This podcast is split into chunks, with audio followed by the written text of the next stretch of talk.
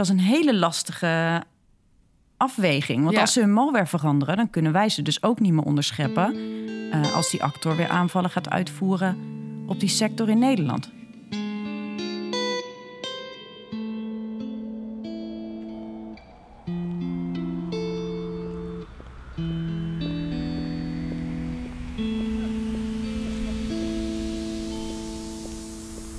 Wat me blijft verbazen is dat het allemaal een gevecht is tegen een onzichtbare tegenstander. Op een onzichtbaar strijdtoneel. Op dit moment zitten misschien ergens ter wereld vijf mannen te bedenken hoe groot de kans is dat er in mijn MacBook informatie te vinden is over de werkelijke identiteit van hacker David. Kan het zo zijn dat ik ooit naast zo iemand heb gezeten in een vliegtuig of aan een bar ergens in de wereld? Ik zou zo graag willen weten wie er aan de andere kant op zijn toetsenbord zit te rammen. En het lijkt mij heel lastig dat werken bij de IVD betekent dat die vraag maar zelden wordt ingelost. Ook al zijn de vermoedens nog zo sterk. Welke landen zouden er überhaupt baat bij hebben om de infrastructuur in Nederland of andere Europese landen aan te vallen? Mijn naam is Lisbeth Rasker. Dit is aflevering 6 van de podcast van de IVD. Welkom bij De Dienst.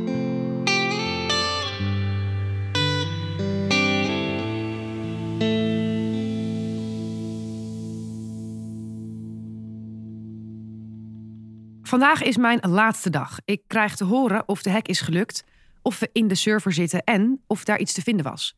Ik loop meteen naar de kamer van Tom. Laatste berichtje van de hacker om drie uur s'nachts exact. En het, eh, het stond gewoon succes. We zijn binnen. Het is gelukt. Het is absoluut gelukt. En wat heeft hij, wat, wat, wat, wat, wat heeft hij dan gevonden? Eh, nou, ik, laten we gewoon voor de grap even zeggen hoe het gegaan is. Want dit is gewoon een mooi verhaal. Ehm, dus we, we, hadden dat, dat, dat versleutelde verkeer tussen um, Pannenkoeken Palazzo en die tweede laag C2-server. En die Ja. hebben we toen weten te ontsleutelen met die sleutel. Ja, nou, daar zat gewoon de crux in. Eh, dat bleek een of ander zelfgemaakt protocolletje te zijn van, eh, van de hackers zelf. Nou, vol met obvious gaten. Dus eh, door daar misbruik van te maken, is die naar binnen kunnen gaan. Oké, dus prutswerk, als ik het zo hoor. Uh, dat was niet heel goed, uh, moeten we zeggen. Nee, een Nee. Klein, kleine lichte teleurstelling daar toch wel. Ja. Maar uiteindelijk telt gewoon het resultaat voor ons. En dat was gewoon dat we binnen zaten op hun uh, tweede laag C2-server. Um, en dat draaide gewoon het, het dashboardje waarmee ze al hun implants bij alle slachtoffers aanstuurden. En hoe, zie- hoe ziet dat er nou uit? Wat, wat voor informatie kun je daar dan van afhalen? Ja, je moet je gewoon voorstellen, het is, een web, het is gewoon een webappje. En je hebt gewoon letterlijk een lijst met alle implants die ze hebben draaien. En ook waar die dan draaien. Dus je, je zag bijvoorbeeld twee implants bij Electron BV. Ja, Die stond wel bij niet actief. ja, Dus eh, wat stond er? Volgens mij stond al Last Beacon een hele tijd geleden. ja, Dus eh, die hebben we inderdaad allemaal kunnen vinden. ja. Geeft dat dan ook meer informatie over wie de potentiële actor is? Ik, mogelijk, mogelijk. Ik had natuurlijk stiekem gehoopt dat het controller panel in een of andere duidelijk te herkennen taal gemaakt zou zijn. Ja. Eh, helaas was alles gewoon in het Engels. Mhm. Maar er zaten her en der wat zinsconstructies waar ik toch een beetje aan twijfel. Precies, wat Dus, hebben jullie? eh, Oh ja, hebben jullie dan ook inderdaad soort van taalspecialisten die kunnen kijken? Oh, deze grammatica-structuur is kenmerkend Zeker, voor die ja. en die. Die hebben we absoluut. Dus ik zou ook echt willen voorstellen, daar moeten we ook wel even een linguist naar gaan kijken. Ja, Of we daar misschien nog iets eh, uit kunnen halen. Het zijn wel dat soort kleine stukjes, kleine brokjes waar we het mee moeten gaan doen. Maar er stonden ook eh, beacons bij andere energiebedrijven eh, in het buitenland. Eh, en dat brengt wel een nieuwe wending en een beetje een stukje nieuwe dynamiek aan deze casus. want? Het ging om grote energiebedrijven in Duitsland. Hmm, Ehm. Ja, en dan komt bij ons toch wel het vermoeden op dat het wel belangrijk gaat zijn om contact op te nemen met de Duitsers. Ehm, maar dat moeten we doen in strikte samenwerking met de afdeling Buitenlandse Relaties. Ja, want dat zijn natuurlijk ook weer gevoelige dingen waarschijnlijk. Zeker, ja. Ja. Er hangen ook heel veel wetgevingen aan vast. Maar daar is het goed om het over te hebben met eh, iemand van de afdeling zelf.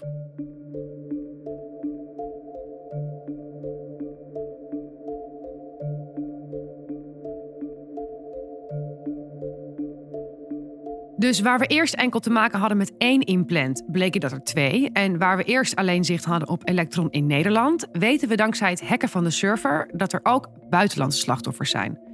In Duitsland. Zodra het speelveld zich buiten onze landsgrenzen begeeft, komen er tal van diplomatieke gevoeligheden in het spel.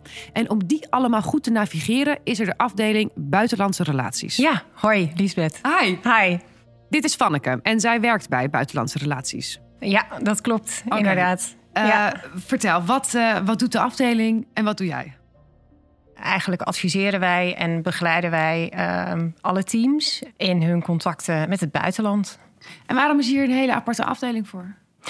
Ehm, omdat we ehm, het eigenlijk heel erg belangrijk vinden om met eh, heel veel landen samen te werken. Omdat we eigenlijk niet weten waar dreigingen vandaan komen. En bovendien, het ene land is sterker in het ene eh, onderwerp dan het andere land. En waar is Nederland bijvoorbeeld sterker in? Eh, Nederland is eh, heel erg sterk op cybergebied. Ja? Ja, zeker. Ja. Ja, Jij gebruikt als ongeveer een, een van de weinigen die ik deze, deze stage heb gesproken, haar eigen naam. ja. Klopt het dan ook dat het bij jou minder supergeheim is dat je hier werkt? Of Ehm, het is eh, minder supergeheim. Ja, want je komt eh, natuurlijk heel veel mensen tegen. Je reist ook met eh, bijvoorbeeld eh, onze directeur-generaal, Erik Akerboom. Ehm, die is toch nog wel eens op tv. En ehm, dus, nou ja, dat, dat, je zou herkend kunnen worden. Dus op het moment dat je een operationele functie ambieert, dan is dit misschien niet de beste keus. om, niet de goede plek om te beginnen? Nee. Focus jij je op specifieke landen en een andere collega van jou weer op andere landen? Of Ja, want eh, we hebben echt heel veel eh, relaties in het buitenland. Ehm, en eh, nou ja, zoals je weet zijn er in Europa al heel erg veel landen. Mhm. Maar buiten ook. Ehm, dus ja, we hebben het opgedeeld in accounts. Als je de taal spreekt, dan is het wel heel handig. ja, ehm, maar in principe, ja, als je er affiniteit mee hebt, dan, eh, dan is dat wel Ja. eh, heel fijn. Als ik denk aan het soort onderzoeken dat hier wordt uitgevoerd, kan ik me zo voorstellen dat het regelmatig voorkomt dat de gesprekken die ze heeft niet altijd makkelijk zijn. Soms moet je ook een nare boodschap brengen. Ehm, En hoe doe je dat? Eh, diplomatiek. Proberen om toch de relatie open te houden. Eh, zorgen dat je op termijn toch ehm, verder kan eh, werken samen. En vooral ook focussen op, ehm, eh, op de goede dingen. Ja. Wanneer je te maken hebt met andere landen, kom je ook automatisch in aanraking met andere culturen, andere wetten, andere normen en waarden. En soms staan die heel ver af van hoe we het hier in Nederland gewend zijn. Hoe pakt ze dat aan? Daarover ehm, ga je met het team eh, in gesprek. Dan wijs je ze op eh, ehm, gevoeligheden, wat inderdaad wel en niet kan. En dan probeer je het op die manier toch eh, de samenwerking vorm te geven. En als blijkt dat het toch eh, te lastig is, eh, dan moet je overwegen om die gegevens niet te delen. Werken jullie met alle landen samen?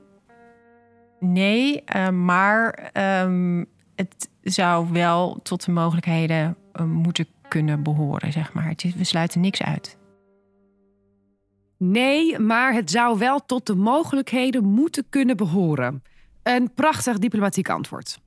Dan de case, die van een spionagezaak veranderde in een sabotagezaak. Met nu ook slachtoffers in Duitsland en wie weet waar nog meer. Dat zijn ook dingen waarover jullie eh, landen moeten inlichten, lijkt me.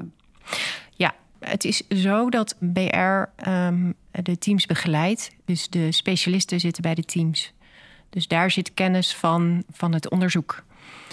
Eh, dus wij helpen de teams dan in het contact met uh, betreffende land. Je kunt je voorstellen dat er met het ene land intensiever wordt samengewerkt en meer informatie wordt gedeeld dan met het andere. En daar zitten de volgende overwegingen achter. Dan heb je het bijvoorbeeld over wat is de wettelijke basis voor een dienst om uh, uh, te werken. Hè? En hoe wordt daar toezicht op gehouden? Uh, heb, heeft een land zeg maar mensenrechtenverdragen getekend? houden ze zich daaraan? Wat, hoe gaan ze om met gegevensbescherming? Hè? Dus oh, slaan ja. ze ze op? vernietigen ja. ze ook gegevens? Uh, dus dat soort zaken, um, uh, die nemen we mee uh, zeg maar in wegingsnotities, zoals we dat noemen. Wegingsnotities. Ja. En dus daar doen we onderzoek naar. Op basis daarvan wordt de maat van samenwerking eigenlijk vastgesteld. En ik kan me ook voorstellen dat dat iets is wat verandert gedurende Zeker, ja. het jaar, maar misschien ook wel bij sommige landen in een week. Ja, als een politieke situatie wijzigt, ja, dan uh, gaan we de wegingsnotitie uh, wel aanpassen. Ja, precies. dus dat, ja. dat kan wel consequenties hebben, ja. Ja, ja. ik kan me voorstellen dat um, zeker dat is natuurlijk met, met, met alle functies binnen, dit, uh, binnen de dienst, maar zeker ook met jouw functie, dat er dat is een hele grote, dat er heel veel belang is bij het vertrouwen, bij het wederzijds vertrouwen van degene met wie jij werkt, die in het andere land zitten, bij de, met je relaties. Ja. En als we het over geheime diensten hebben, ik bedoel, het groot deel van wat jullie doen moet ook vooral geheim blijven, ook mm -hmm. voor andere landen. Ja, dat is dat, dat zou best een, een moeilijke balans zijn, misschien ook soms. Ja, dat is een beetje aftasten. En hoe doe je dat? Je begint eigenlijk heel veilig van uh, dit is ons probleem, dat is niet direct jouw probleem, maar uh, hoe kunnen we elkaar vinden? Ja. Um, en dan zo langzamerhand moet dat vertrouwen opgebouwd worden. Je gaat heel, uh, heel algemeen vragen stellen aan je partner. Um, van goh, heb je hier informatie over? Heb je hier interesse in? En dan probeer je dat uit te bouwen. Hoe informeel kan zoiets worden? Um, het kan behoorlijk informeel worden, maar er is wel de nodige afstand. Dus ja. uh, het blijft beperkt tot uh, het hoofdkantoor en een etentje, maar geen privébezoeken. Elke mogelijke schijn van belangenverstrengeling uh, moet je tegengaan. Is het wel eens gebeurd dat dat vertrouwen is beschaamd? Um, ja, dat gebeurt. Ja, dat gebeurt wel eens. We pakken onze zaak, Operatie Positron, er weer eventjes bij. Wat gaat daar nu gebeuren? Mag ik zelf een bericht sturen naar de Duitse dienst? Of doet Vanneke dat? Jullie mogen zelf delen met de Duitsers. Ja. En uh, dan kunnen we samen toetsen van nou, wat, wat kan wel gedeeld worden, wat kan niet gedeeld worden. Maar over het algemeen is de samenwerking met de Duitsers zo goed dat... Uh, dat, dat, het wel oké okay is. Oké. Okay. De Duitsers voldoen aan al die criteria uh, die we hebben gesteld. Dus okay. die zijn allemaal, dat is allemaal in orde. De criteria die in de wegingsnotitie staan dus, zoals zojuist besproken. Tot slot ben ik benieuwd hoe vaak er nou eigenlijk contact is tussen de diensten. In geval van de Duitsers is dat een, uh, mogelijk een paar keer per dag. Een paar keer per dag? Ja, ja. we werken op verschillende onderwerpen samen. En um, uh, met verschillende teams. Um, dus uh, ja, dus dat is uh, verschillende keren. Ja. En één van die keren zullen wij nu zijn. Zoals Vanneke al aangaf, moet ik met mijn analist bespreken wat we precies willen overdragen. Dus ik klop weer aan bij Anouk. Anouk. Hi. Daar ben je weer. Ja. Ik heb uh, met je collega gepraat van de afdeling Buitenlandse Relaties. En zij heeft me aangeraden om met jou te gaan bespreken wat we de Duitsers gaan vertellen over het feit dat ook uh, bedrijven in hun land zijn aangevallen door deze malware. Ja, klopt. Um, eigenlijk is dat best een complicerende factor wat er uit die hack is gekomen. Um, er zijn namelijk meerdere energieleveranciers in Duitsland geraakt. Uh, natuurlijk vinden wij dat aan de ene kant heel vervelend voor de Duitsers. Duitsland is een bondgenoot van ons. En wij vinden het heel onwenselijk als een vijandige staat het licht uit zou doen bij een bondgenoot. Mm -hmm. Maar er is nog wel een reden die direct uh, te maken heeft met het veilig houden van de BV Nederland. Waarom ik die informatie met ze zou willen delen. En dat is omdat het energienetwerk uh, in Europa best wel uh, met elkaar verbonden is. En een aanval in Duitsland, op een energieleverancier in Duitsland, cascade-effecten kan hebben.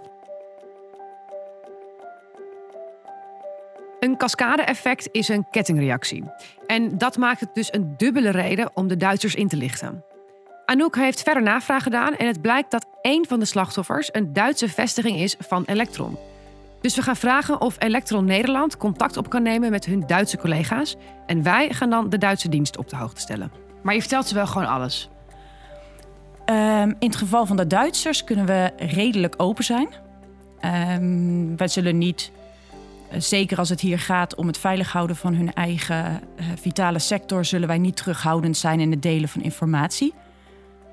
Wat wel zo is, dat we natuurlijk altijd onze bron eh, zullen proberen te beschermen. Wie, wie is eigenlijk de bron in dit geval? De hek. De hek. Dat zou je. Oké, je zou dus niet zeggen dat het door een hek verkregen is, bedoel je?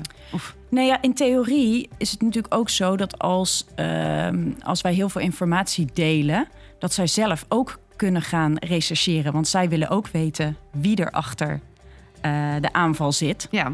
En als zij ook eh, bijvoorbeeld dezezelfde server zouden hacken, Mhm. dan kan dat ons onderzoek wel schaden. Onze operatie die wij daar hebben lopen. Omdat jullie allebei tegelijkertijd op dezelfde. Nee, Nou ja, als er twee inbrekers door een huis lopen, is natuurlijk een grotere kans dat ze betrapt worden. Als de een herrie maakt, is de andere er ook bij, zeg maar. Maar er zit nog een andere kant aan. Die cascade-effecten, wat ik zei, binnen Europa, die kunnen natuurlijk ook vanuit andere landen eh, optreden. Ja. Dus eigenlijk zouden wij in het kader van eh, bondgenootschap meerdere landen binnen de EU willen waarschuwen hiervoor. Dat deze malware bestaat. Dat deze malware bestaat en dat Ja. ze moeten zorgen dat al hun energieleveranciers hun detectiemateriaal moeten verrijken met deze technische kenmerken, zodat ze een aanval kunnen voorkomen. Maar zoals je inmiddels wel kunt indenken, is het delen van informatie voor een geheime dienst nooit zonder mitsen en maren. Er zit wel een andere kant aan. Want op het moment dat wij al die informatie met alle landen delen. en zij zorgen allemaal dat eh, die aanvaller nergens meer binnenkomt. Dan alerteert dat ook een aanvaller. En dan zal die, naar alle waarschijnlijkheid, zijn malware gaan aanpassen. Ja. Maar als je het niet doet, dan gaat die malware dus door omdat hij mee bezig was. Ja, maar niet in Nederland. Ja. En de gevaar. en maar de, wel bij EU. ja, Wat ook weer bondgenoten zijn. Ja. zijn. dat is een hele lastige afweging. Want Ja. als ze hun malware veranderen, dan kunnen wij ze dus ook niet meer onderscheppen. Eh, als die actor weer aanvallen gaat uitvoeren op die sector in Nederland. En we kunnen dat bolletje wol niet verder ontrafelen terug naar de actor, omdat ze er sowieso helemaal mee zullen stoppen. Aan de ene kant zullen ze de malware gaan veranderen. Maar aan de andere kant zullen ze misschien denken: ja, we zijn helemaal aangebrand. Laten we ook gewoon eh, andere infrastructuur, andere aanvalsinfrastructuur gaan gebruiken. Dus die hack die wij hebben op die server, die wordt dan compleet nutteloos. Dus, ja, dus dan ben je al het zicht kwijt. Ja, dus dan hebben we zowel qua weerbaarheid ehm, zijn we minder stevig, omdat er andere malware gebruikt kan worden. Maar ook ons, in onze operatie Ja. ehm, is onze operatie aangebrand. De dienst deelt haar inlichtingen dus niet zomaar. Een manier om de bondgenoten toch op de hoogte te stellen zonder de bron, dus de hack, prijs te geven, is door de inlichtingen wit te wassen. Een manier om dat te doen is het NCSC erbij te betrekken, het Nationaal Cyber Security Centrum. Anouk legt het verder uit. Omdat wij dus liever niet onze inlichtingen zomaar in het buitenland neer willen leggen. Omdat dat kwetsbaar is. Omdat we niet willen dat iedereen weet wat onze bron is. Ja, Dus we willen die inlichtingen eh, witwassen. Zorgen dat onze bron beschermd is. Dat je uit de technische kenmerken die wij delen uiteindelijk... en de, de- het feit dat het van ons vandaan komt lijkt ook al heel snel... Hè, van hé, hey, dit zijn inlichtingen. We willen eigenlijk niet dat ze dat weten. En een manier om dat in dit geval eh, wit te wassen... is door ons, een, eh, onze NCSC te vragen of zij met hun partners kunnen zij natuurlijk ook delen van... goh, we hebben een aanval gezien in Nederland... alsof de informatie bij hun vandaan komt. Alsof zij zij, die van Electron BV hebben gekregen. zij krijgen informatie van allerlei verschillende partijen. Ja, als er incidenten zijn in Nederland of in het buitenland... dan eh, delen de NCSC's van die landen delen die informatie met elkaar. Dus wat zij naar buiten brengen is in die zin neutraal. Het kan van een geheime dienst komen, het kan ook van een particulier bedrijf komen, of het kan van een externe Juist. onderzoeker komen. Ja. Ah, oké. Wat slim. Ja. Ehm, op dit punt in de zaak, ehm, hoe groot acht je eigenlijk de kans dat die actor daadwerkelijk bekend gaat worden? Ik acht dat wel... Ik acht het aannemelijk dat we een, eh, een beeld gaan hebben welke partij het is. Ja? Ja. Op basis waarvan denk je dat? Nou, ik hoop eigenlijk dat we nog wel de kans hebben om iets verder onderzoek te doen. Dus dat het niet zo snel ehm, de operatie aangebrand is dat we niet meer verder kunnen. En Ja, zoals er natuurlijk al eerder gezegd is, uh, hackers laten handtekeningen achter. Ja. Um, infrastructuur zegt iets. Weet je welke infrastructuur gebruikt is? Slachtoffers, welke slachtoffers gekozen worden. Um, daar kun je vaak ook wel uithalen wat de achterliggende intentie is. Welke landen zouden er überhaupt baat bij hebben om de infrastructuur in Nederland of andere Europese landen um, aan te vallen? Ja. Wie wil er een dusdanige maatschappelijke ontwrichting um, in ons land of omliggende landen bewerkstelligen? Um, ja, oké, okay, dan, heb je, dan, dan, dan zou er een indruk kunnen komen. En dan? En dan niet zoveel. Nee? Nee, het is niet zo dat wij rechtszaken aanspannen tegen nee. de personen die daadwerkelijk achter de knoppen zitten. Nee, dat snap ik. En, maar de, het resultaat is dus inderdaad dat je dan die beveiliging op die plekken nog beter omhoog gooit. Eventueel um, diplomatieke consequenties. Ja, daar moet je aan denken. Ja.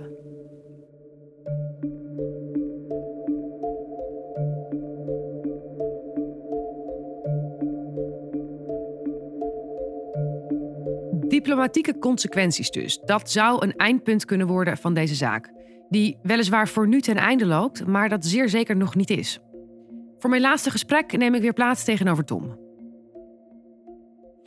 De Duitsers zijn gebeld hebben de technische details nog even nagetelext. Dus ik hoop dat ze aan de slag kunnen. Om uh, gewoon bij hen hetzelfde te doen als wij ook gedaan hebben. En de boel uh, weg te halen. Ja. Want daar kunnen we onszelf wel een uh, klein, klein schouderklopje geven. Want we hebben het wel gewoon de acute dreiging richting Nederland weggehaald. Ja, die, die, die, die dubbele malware bij Electron, die is eruit. Die is weg. Ja. En we hebben ook verder geen verdere sporen aangetroffen van nog meer backdoors. Maar dat weet je in principe nog niet. Nee, het is natuurlijk nooit 100% zeker. Wij hebben niks meer gezien. Ik weet dat de commerciële partij ook nog niks gezien heeft. Uh, dus ik... De commerciële partij die ze hadden ingehuurd Zeker, om die eerste weg ja. te halen. Dus ik hoop dat het inderdaad zo blijft en dat we niks meer gaan vinden. Maar ik begreep al van, uh, van Anouk, um, daarmee is dit nog niet afgerond. Het onderzoek aan zich. Want ik weet nog de, de, de, bolwol is er nog niet. Nee, zeker niet. De bolwol is absoluut nog, nog niet volledig ontrafeld. Um, kijk, het was natuurlijk zo dat we deze groep al twaalf maanden niet gevolgd hadden. En nu hebben we dus dit incident gehad. Ja. Dus dat onderzoek gaat nu, ja, ik wil niet zeggen beginnen, maar we gaan wel echt heel erg veel verder nu. Kijk, ik kan het een beetje, wat, wat we nu gedaan hebben en waar we nu staan, je zou het een beetje kunnen visualiseren als je je een, een, een stamboom inbeeldt. Mm -hmm. Um, waarbij we eigenlijk dus helemaal onderaan, dus bij de nieuwste generatie zijn we als het ware begonnen. Dat was Electron, de hack daar. Mm -hmm. uh, en als je dan zeg maar, naar boven zou kijken, dan zie je eigenlijk maar één link. En dat is gewoon naar, jou, naar jouw ouder. Of naar je ouders. Um, en dat was wat wij gezien hadden. Want wij zagen die link met die C2-server. Pannenkoekenpalazzo.nl. Ja. Um, en als je dan weer één generatie verder gaat, dat deden wij ook. We hebben toen die tweede laag aan C2-servers ontdekt. Mm -hmm.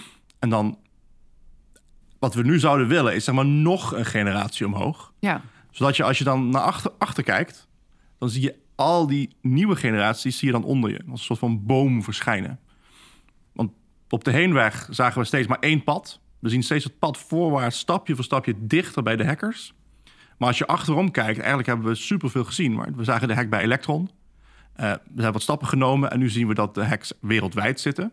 We hebben de Duitsers kunnen helpen. Dus we hebben nu al veel meer inzicht in wat er eigenlijk gaande is in deze hele campagne. Ja.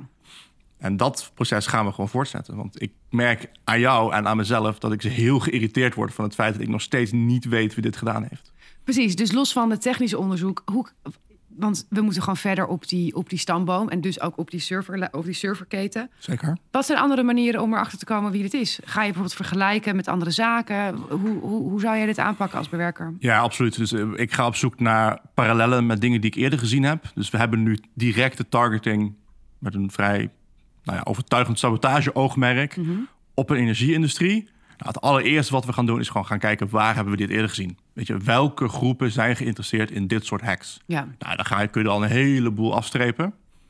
Um, en dan ga je uh, her en der dus inderdaad bewijzen zoeken om, om, om, daar, om die lijst steeds kleiner te maken. Ja.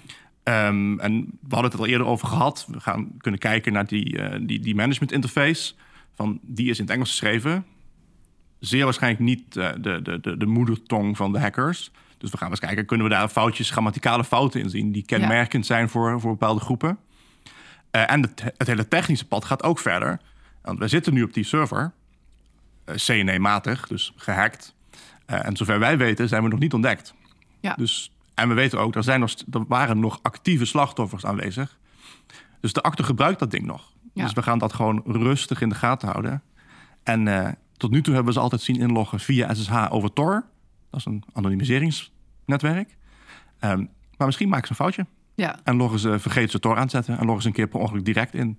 En dan hebben we zeg maar de volgende generatie in de stamboom. En de volgende stap in onze, in onze kluwwol die we uit elkaar aan het trekken zijn. Ja.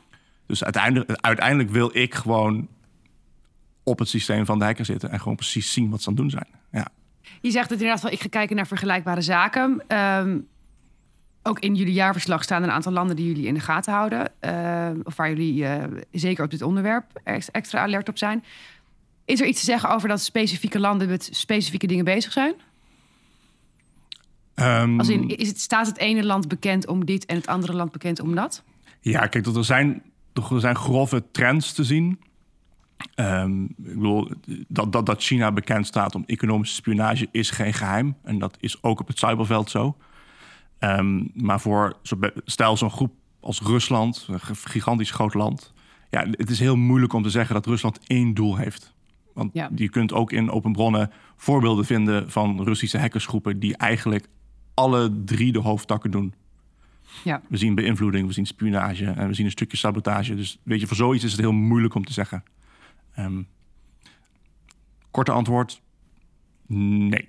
Nee. Dat is te algemeen, daar kunnen we het nog niet mee vaststellen. Nee, en bovendien, als je op, op een gegeven moment in die, in die server zit uh, van die hacker, of op, hè, je, je, je hebt die hacker te pakken, dan, is nog, dan weet je nog steeds niet wie die hacker heeft ingeschakeld om dit te doen.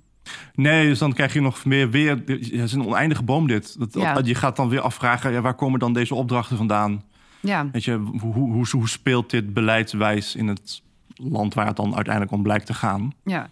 Misschien reikt dit te ver hoor, voor, de- voor, voor deze zaken en voor deze stage ook. Maar ehm, a- aan het eind van deze, van deze stamboom, aan het eind van deze serverketen, zit even nu voor, de, voor, het, voor het gemak een kamer vol met eh, hackers die deze malware hebben gemaakt en hebben uitgezet. Zeker. Maar die groep hackers die bedenkt dat niet zelf. Die hebben ook weer een opdracht gekregen van iemand. Dat kan een ander bedrijf zijn, een statelijke actor, whatever.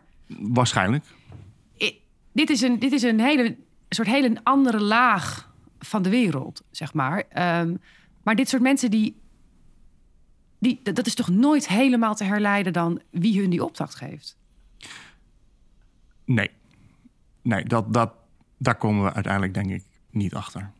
We gaan wel hopelijk, in ieder geval als het aan mij ligt, eh, proberen te achterhalen welk land in ieder geval verantwoordelijk is. En misschien iets specifieker welke groep. Maar wie de aansturing gegeven heeft en de opdrachten daartoe en de motiveringen daarachter, ja, daar heb ik een hard hoofd in of we daar achter Ja. komen.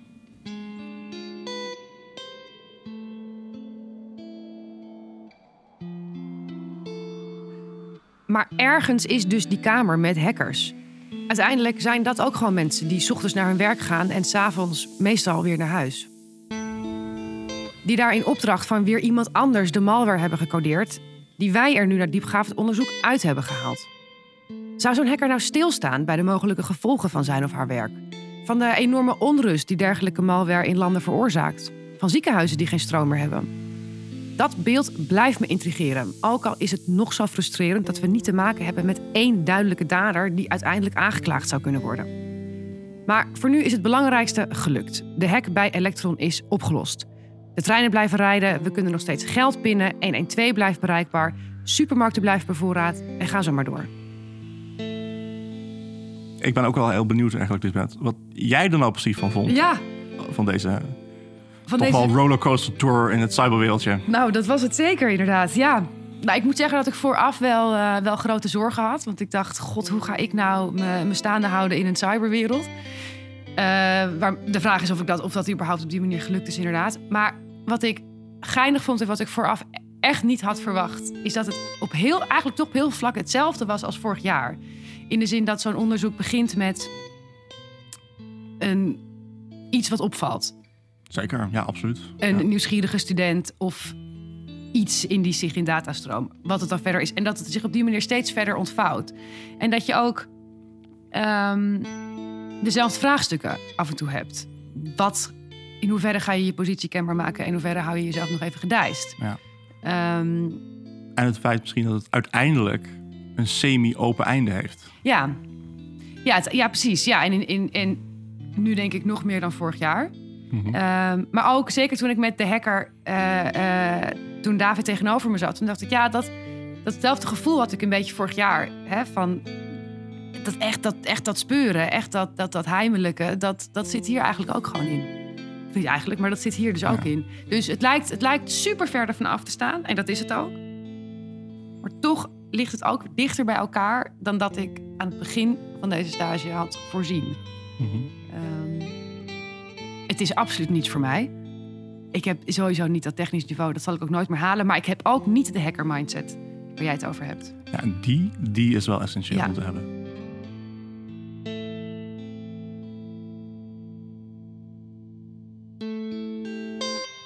Maar gelukkig voor mij en voor jou heeft Tom die mindset wel. Net als alle anderen die ik hier heb gesproken. En zij blijven deze zaak ook in de gaten houden, want ooit gaat de actor een foutje maken. Computerwerk is immers mensenwerk, zoals we hebben geleerd. En zo worden de sporen bij elkaar verzameld, net zo lang totdat we bovenaan de keten uitkomen. En wie een beetje heeft opgelet de afgelopen afleveringen, weet eigenlijk wel bij welke statelijke actor dat dan waarschijnlijk gaat zijn. En je weet dan dus ook dat die actor nu weliswaar is tegengehouden, maar dat het daar niet bij zal blijven. De dreiging blijft bestaan, voortdurend, ook al kunnen we hem niet zien. Ja, ja, die is letterlijk onzichtbaar. Ja, en dat maakt het zo dat je denkt, ja, nou ja, ja zal toch allemaal wel. Het werkt toch allemaal, licht komt uit, eh, uit er is niks aan de hand. Maar de kwetsbaarheid in die zin ervan is veel minder makkelijk te doorgronden. Eh, als, je dat, als je dat naast een CT-zaak legt, is dat veel duidelijker. Absoluut. Ehm, Maar ja, ik, ik, vond het, eh, ik vond het fascinerend. Ik heb een hoop geleerd.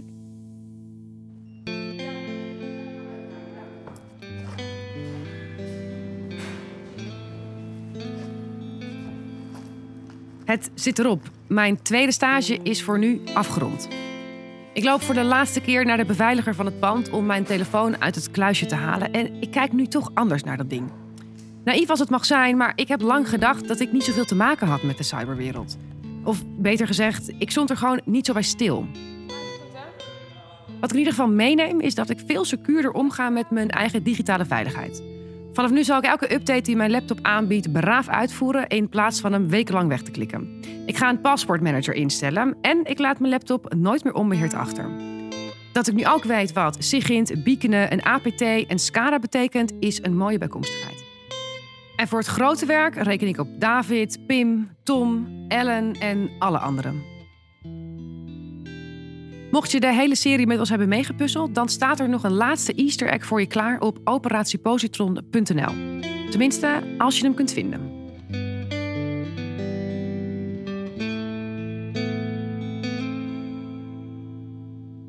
Dit was de zesde en laatste aflevering van het tweede seizoen van De Dienst, een podcast van de AIVD. Gepresenteerd door mij, Liesbeth Rasker, en geproduceerd door het podcastkantoor in samenwerking met Werkmerk. Wil je meer weten over wat de AIVD doet? Of zou je het leuk vinden om er te werken? Ga dan naar werkenbijdeAIVD.nl.